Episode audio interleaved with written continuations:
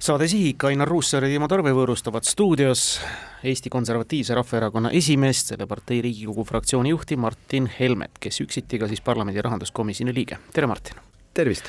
alustame värskeimast. Norstati uuring, erakondade populaarsusreitingu uuring näitab vähemasti pealkirjade kohaselt nüüd küll EKRE-le langust ja ainuüksi läinud nädala küsitluse põhjal oleks teie toetusprotsent viisteist, nelja nädala viimane keskmine on kaheksateist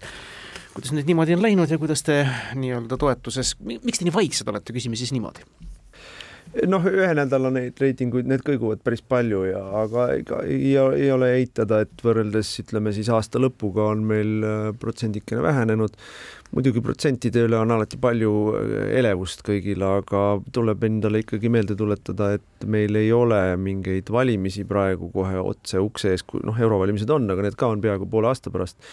ja mm, me võtsime siin detsembris teatud otsused vastu, millega tuli arvestada, et ka võib juhtuda, et äh, see võtab meil veidikene protsenti maha, ma eelkõige räägin siis sellest, et me teadlikult äh, kalkuleerisime läbi, kas me tahame või ei taha seda võitlust ette võtta, et me ei toetanud mitut äh, raha eraldamist äh, Ukraina aitamise loosungi all, meie arvates ei ole Ukraina aitamine, kõik need rahaeraldused ei olnud Ukraina aitamine, sealt võis ette näha, et tuleb ka mingi tagasilöök, aga see oli meil väga põhimõtteline ja väga põhjendatud seisukoht ja vahel tuleb võtta kahju sisse, kui sa põhimõtete eest seisad no jaa, aga Ukrainat tuleb ju aidata, jumala pärast, Ukraina on see, kes tegelikult seisab praegu meie julgeoleku eest, Ukraina on tegelikult see, kelle poole kõik mõistlikud inimesed vaatavad, et, et see Venemaa režiim muutuks, mis ilmselt, mida ilmselt äh, lähiaastatel ei juhtu. jaa, aga me olemegi aidanud ja kõvasti aidanud ja, ja aidanud rohkem kui peaaegu et ükski teine riik. Ja aidata äh, selgelt oma inimeste arvelt, aidata rohkem, kui on meie võime aidata olukorras, kus kõik maksud tõusevad, aidata olukorras, kus kellelgi ei ole võimalik toetusi, palkasid maksta, äh, peretoetusi kärbitakse ja nii edasi, nii edasi, siis kuskil tuleb piir ette ja aidata asjadega, mis tegelikult ei aita. ehk anda raha mingisugustele rahvusvahelistele finantsorganisatsioonidele, kes justkui investeerivad kuhugi, mis võib-olla kunagi toetab ka Ukrainat, ei ole meie meelest põhjendatud, nii et äh, see on, äh, see on diskussioon, mida me hea meelega peame diskussioonist rääkides, ega esimene uusaasta-võit teie erakonnale on tulnud, kaitseväe juhataja kindral Martin Herem ei jätka suvest oma ametikohal kindral on hästi hakkama saanud, aga teie juhtidele on ta olnud justkui pinnuks silmas. mida te õigupoolest Eesti Kaitseväe juhatajale ette heita on? no ma küsin, milles see hästi hakkama saamine seisneb, et äh, inimene on teinud rohkem kahju Eesti riigikaitsele kui ükski teine kõrge sõjaväelane. no nii, see vajab ja nüüd küll lahti vajab küll lahti seletamist, et äh, me oleme vähem relvastatud, kui me olime kahekümne teise aasta alguses raskerelvadega ja laskemoonaga ja kiivrite ja kuulivestide ja ähm, ütleme, lõhkeainetega. me oleme vähem relvastatud tänasel päeval, kui me olime kahekümne teise aasta alguses, sest et me oleme olnud nii tublid Ukraina aitajad, et me oleme kõik ära andnud, mis meil on ja asemele tuleb kahekümne viiendal, kuuendal, seitsmendal aastal. mis me senikaua teeme, mina ei tea. ja teiseks on Kaitseväe lahkuv juhataja vallandanud sadade kaupa pikaaegseid staažikaid Eesti ohvitsere, sellepärast et nad ei allunud tema koroonavaktsiini terrorirežiimile ja sellega kahjustanud äh, kaitsevõimet Eestis, nii et äh, kõigi aegade kõige halvem äh, kaitseväe juhataja, pluss loomulikult see põmmpäisus, millega tema endale lubas äh, sekkuda poliitilistesse vaidlustesse, on ikkagi noh, demokraatlikus äh, tsiviilkontrolliga riigis äh, noh, skandaalne, et ta seda endale lubas. ja, ja, ja hea, et lahti saame Tallinna Ülikooli rektor Tõnu Viik avaldas lootust, et võib-olla siis teie erakonna juhid, Helmed, Toida nüüd ära, nimeliselt loobuvad alanud aastal poliitilise dialoogi kultuuri hävitamisest ja tema väitel te ei debateeri, vaid lõhute debatikultuuri. kas te uuel aastal olete poliitiliselt viisakamad mm,? no mingisugused sellised laetud laetud süüdistused stiilis, kas te kavatsete oma hommikuse konjaki joomise lõpetada, ma ei pea neile vajalikuks väga reageerida. aga selge on see, et Eesti poliitilist kultuuri on väga usinasti, väga efektiivselt lõhutud viimastel aastatel ja lõhkujaks on olnud eelkõige Reformierakond ja Eesti kakssada. see, mis on toimunud viieteistkümnes parlamendi koosseisus ehk valimiste järgselt, kõikide poliitiliste kirjutatud ja kirjutamata reeglite lõhkumisega on ju toimunud toimunud koalitsioonierakondade poolt ja, ja meie oleme sellele reageerijaks olnud ikkagi eelkõige. reageerijaks olnud noh, masendavale poliitilise kultuurile, kus ennem valimisi lihtsalt tuimalt valetatakse ja pärast valimisi näkku irvitatakse ja öeldakse, et ega kes siis neid valimislubadusi usub. et noh, see on üks asi ja teine asi on loomulikult see, kuidas siis on äh, rikutud kõiki Riigikogu kodukorra reegleid, ka põhiseadust on rikutud selle jaoks, et äh, läbi suruda oma poliitilist agendat, millele rahvalt mandaati ei ole küsitud ja ka selle jaoks, et ära hoida erakorraliste valimiste toimumine, kui ei oleks rikutud põhiseadust ja kodukorda, siis meil oleks tulnud erakorralised valimised. erakorraliste valimiste taotlemine ise ei ole mingi demokraatia vastane või, või, või, või põhiseaduse vastane tegevus, vastupidi, valimised on demokraatia keskne osa ja me ei teinud ühtegi seaduse rikkumist eh, selle saavutamiseks, küll aga rikuti seaduseid selle jaoks, et seda ära hoida. nii et poliitilise kultuuri hävitamiseks on noh, tangot üksi tantsida ei saa loomulikult, eks ju, tango tantsimiseks on mitut vaja, kahte vaja vähemalt. ja, ja, ja loomulikult selles vaidluses me oleme üks pool, aga see algpõhjus ja selle nii-öelda protsessi ikkagi peamised taganttõukajad on olnud tänased liberaalsed erakonnad Martin Helme, kas lausobstruktsioon parlamendis on nüüd selleks korraks läbi, kas me võime nüüd öelda, et Riigikogu sügisistungjärgul toimunu on kirjutatud meie parlamendi ajalukku? meie erinevalt Isamaast ja Keskerakonnast ei ole kusagil võtnud vastu otsust ega andnud lubadust, et me lõpetame obstruktsiooni. ei, ei, ei siis sihitud või laus, lausalise, vahet ei ole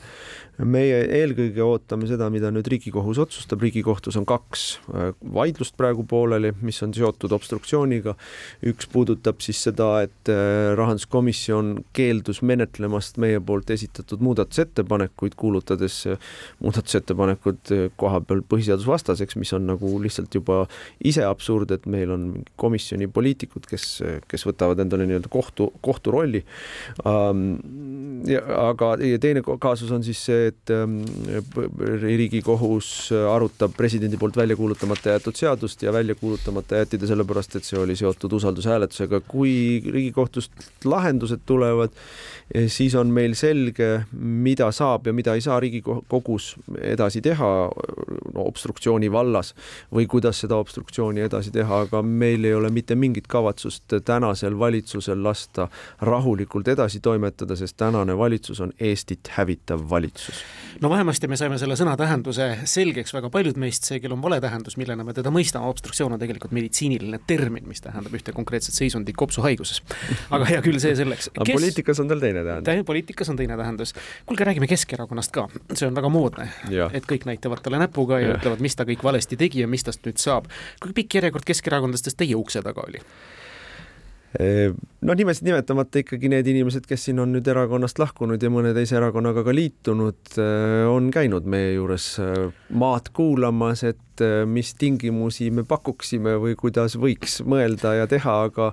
noh, ütleme niimoodi, et mul on esimene väga lihtne lakmustest on küsimus, et abielu perverteerimise seaduses positsioneerisid või hääletasid ennast kuidas kui valesti hääletasid, siis ei ole rohkem mõtet rääkida. ja,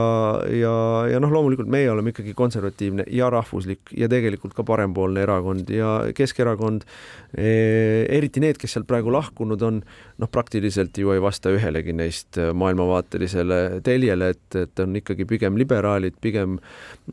pigem globalistid ja, ja, ja pigem vasakpoolsed, et mul ei ole nagu kuidagi võimalik mõista, et kuidas nad siis kohaneks või koduneks meie erakonnas sellisel viisil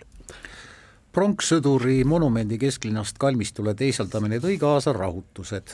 nüüd esitas EKRE eelnõu, et pronkssõdur tuleks ka kalmistult äh, ära viia. nagu teised punamonumendid avalikust ruumist, viiskümmend neli Riigikogu liiget hääletasid selle otsuse vastu. otsuse põhjus oli siis nagu kodurahu või? kusjuures huvitav oli see, et Juku-Kalle Raid toetas EKRE ettepanekut. ja, ja. ja noh, seal on mitu huvitavat asja, üks huvitav asi on see, et Isamaa ei toetanud see ausalt öeldes pani mul kulmu kergitama, et mis siis nüüd Isamaal häda on, et aga jah, Reformierakond ja Eesti kakssada ja sotsid ja ka üle ja need, kes kohal olevad Keskerakonna saadikud olid sellele vastu ja siin on nagu mitu nüanssi, et esimene nüanss on see, ma tahaks muidugi ütelda, et Andrus Ansip, kes on Kaja Kallase lemmikerakonnakaaslane, omal ajal siiski viis selle pronkssõduri minema, aga Andrus Ansip ei ole muidugi ka kunagi avalikkuses vahele jäänud pereäridega Venemaal et äh, siin tänane Reformierakonnal on teine positsioon pronkssõduri osas. teine põhi, asi on, mis muidugi paneb väga küsimus, küsimust, et noh, mis teie loogika on või mis, mis see nagu mõtteviis teil on, et Narva tanki viisid minema ja ma olen nõus, pidigi viima. pronkssõdurit nüüd ei taheta puudutada, et mis see, mis, mis, mis jutt see on, et, et, et seal on hauarahu, hauarahu rikutakse seal siselinna kalmistul iga kord, kui seal toimub mingisugune tohutu äh, joomine ja tantsimine üheksanda mai puhul, et siis on nende inimeste hauarahu, kes sinna maetud on, on väga rikutud ja häiritud, et et tegelikult noh, probleem on ju selles, et, et seda tollast kahe tuhande seitsmendal aastal ära äraviimist noh, tehti poolikult. et olekski pidanud ta avalikust ruumist lõplikult ära viima, aga noh, hakati jälle vingerdama ja šlikerdama ja leid-, noh, leidma mingisugust niisugust poolikut lahendust ja, ja see, ja see tähendab seda, et noh, ühel hetkel see teema on jälle noh, vaja ära otsustada, mis siis nüüd, mis siis nüüd Martin Pronkssõdur on osa meie ajaloost, kuhu ta tuleks panna, teda no, ei saa ju puruks saada. ei no, aga miks ei saa? ja teine asi on, et see siis on see Narva tank on ka osa meie ajaloost ja Juhan Smuuli bareljeef on ka osa meie ajast, aga kas me tahame neid ajaloolisi asju niimoodi äh, avalikus ruumis äh, demonstreerida, et meil on mingisugused teised sümbolid, mida me tahaksime võib-olla demonstreerida, et mind näiteks väga häirib, et meil on liiga vähe rahvuslippe lehvib igal pool ja, ja kogu aeg, et mina tahaksin selliseid sümboleid näha palju rohkem. Ja meil on oma sõjakangelased olnud Vabadussõjast ja ka teisest maailmasõjast, kelle, kelle mälestust me peaksime nagu palju rohkem äh, esile tõstma ja meelde tuletama, et äh, aga noh, siin on ikkagi veel teine asi, et ar arvestades seda ja me võime kahe tuhande seitsmenda asjade kohta öelda seda, teist või kolmandat, aga alates kahekümne teise aasta kahekümne neljandast veebruarist on pronkssõduril veel täiendavalt negatiivne, sügavalt negatiivne tähendus ja sügavalt negatiivne mobiliseerimisaspekt Eesti ühiskonnas ja sellega tuleb tegeleda. Martin, päris lõpetuseks nüüd. kindel on võib-olla see ja enam-vähem kindel, et aprillis saab teist taas Riigikogu aseesimees Jüri Ratase asemel. aga mis veel kindlat võib tänavu kevadest ja suvest poliitikas loota? Kindel pole midagi ennem kui on hääled on kokku loetud.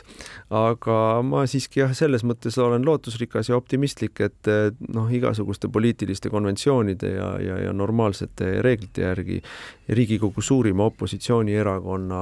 nii-öelda käes on Riigikogu teise aseesimehe koht ja, ja ma loodan, et seekord, sel korral me läheme tagasi selle norm, normi või tava juurde. mis veel kindel on, on see, et õpetajate streik tuleb ja ma väga toetan seda, et Eesti inimesed ükskord ometi ajavad selja sirgu. õpetajate streik ei ole ju ainult õpetajate palgavaidlus, vaid ka nende töötingimuse, koormuse, bürokraatia ja, ja, ja, ja, ja noh, selle kõige selle vaidluse, aga ma lisaks sellele sellele, et äh, arvan, et õpetajatel on palka juurde vaja, tahan ikkagi inimestele meelde tuletada, et viimase kolme aasta jooksul on Eestis kokku olnud äh, liitprotsendiga inflatsioon peaaegu nelikümmend protsenti, kõigil inimestel ei tul-, on palka juurde vaja, sest kõigil inimestel on ostujõud ja jõukuse tase vähenenud ja kõik inimesed peaksid selles aspektis öö, äh, nõudma endale palka juurde, olgu nad avalikus või erasektoris, sest et niimoodi enam edasi elada ju ei saa suur tänu, Martin Helme täna stuudiosse tulemast, seda aega leidmast, edu, jõudu, ilusat talve jätku! aitäh!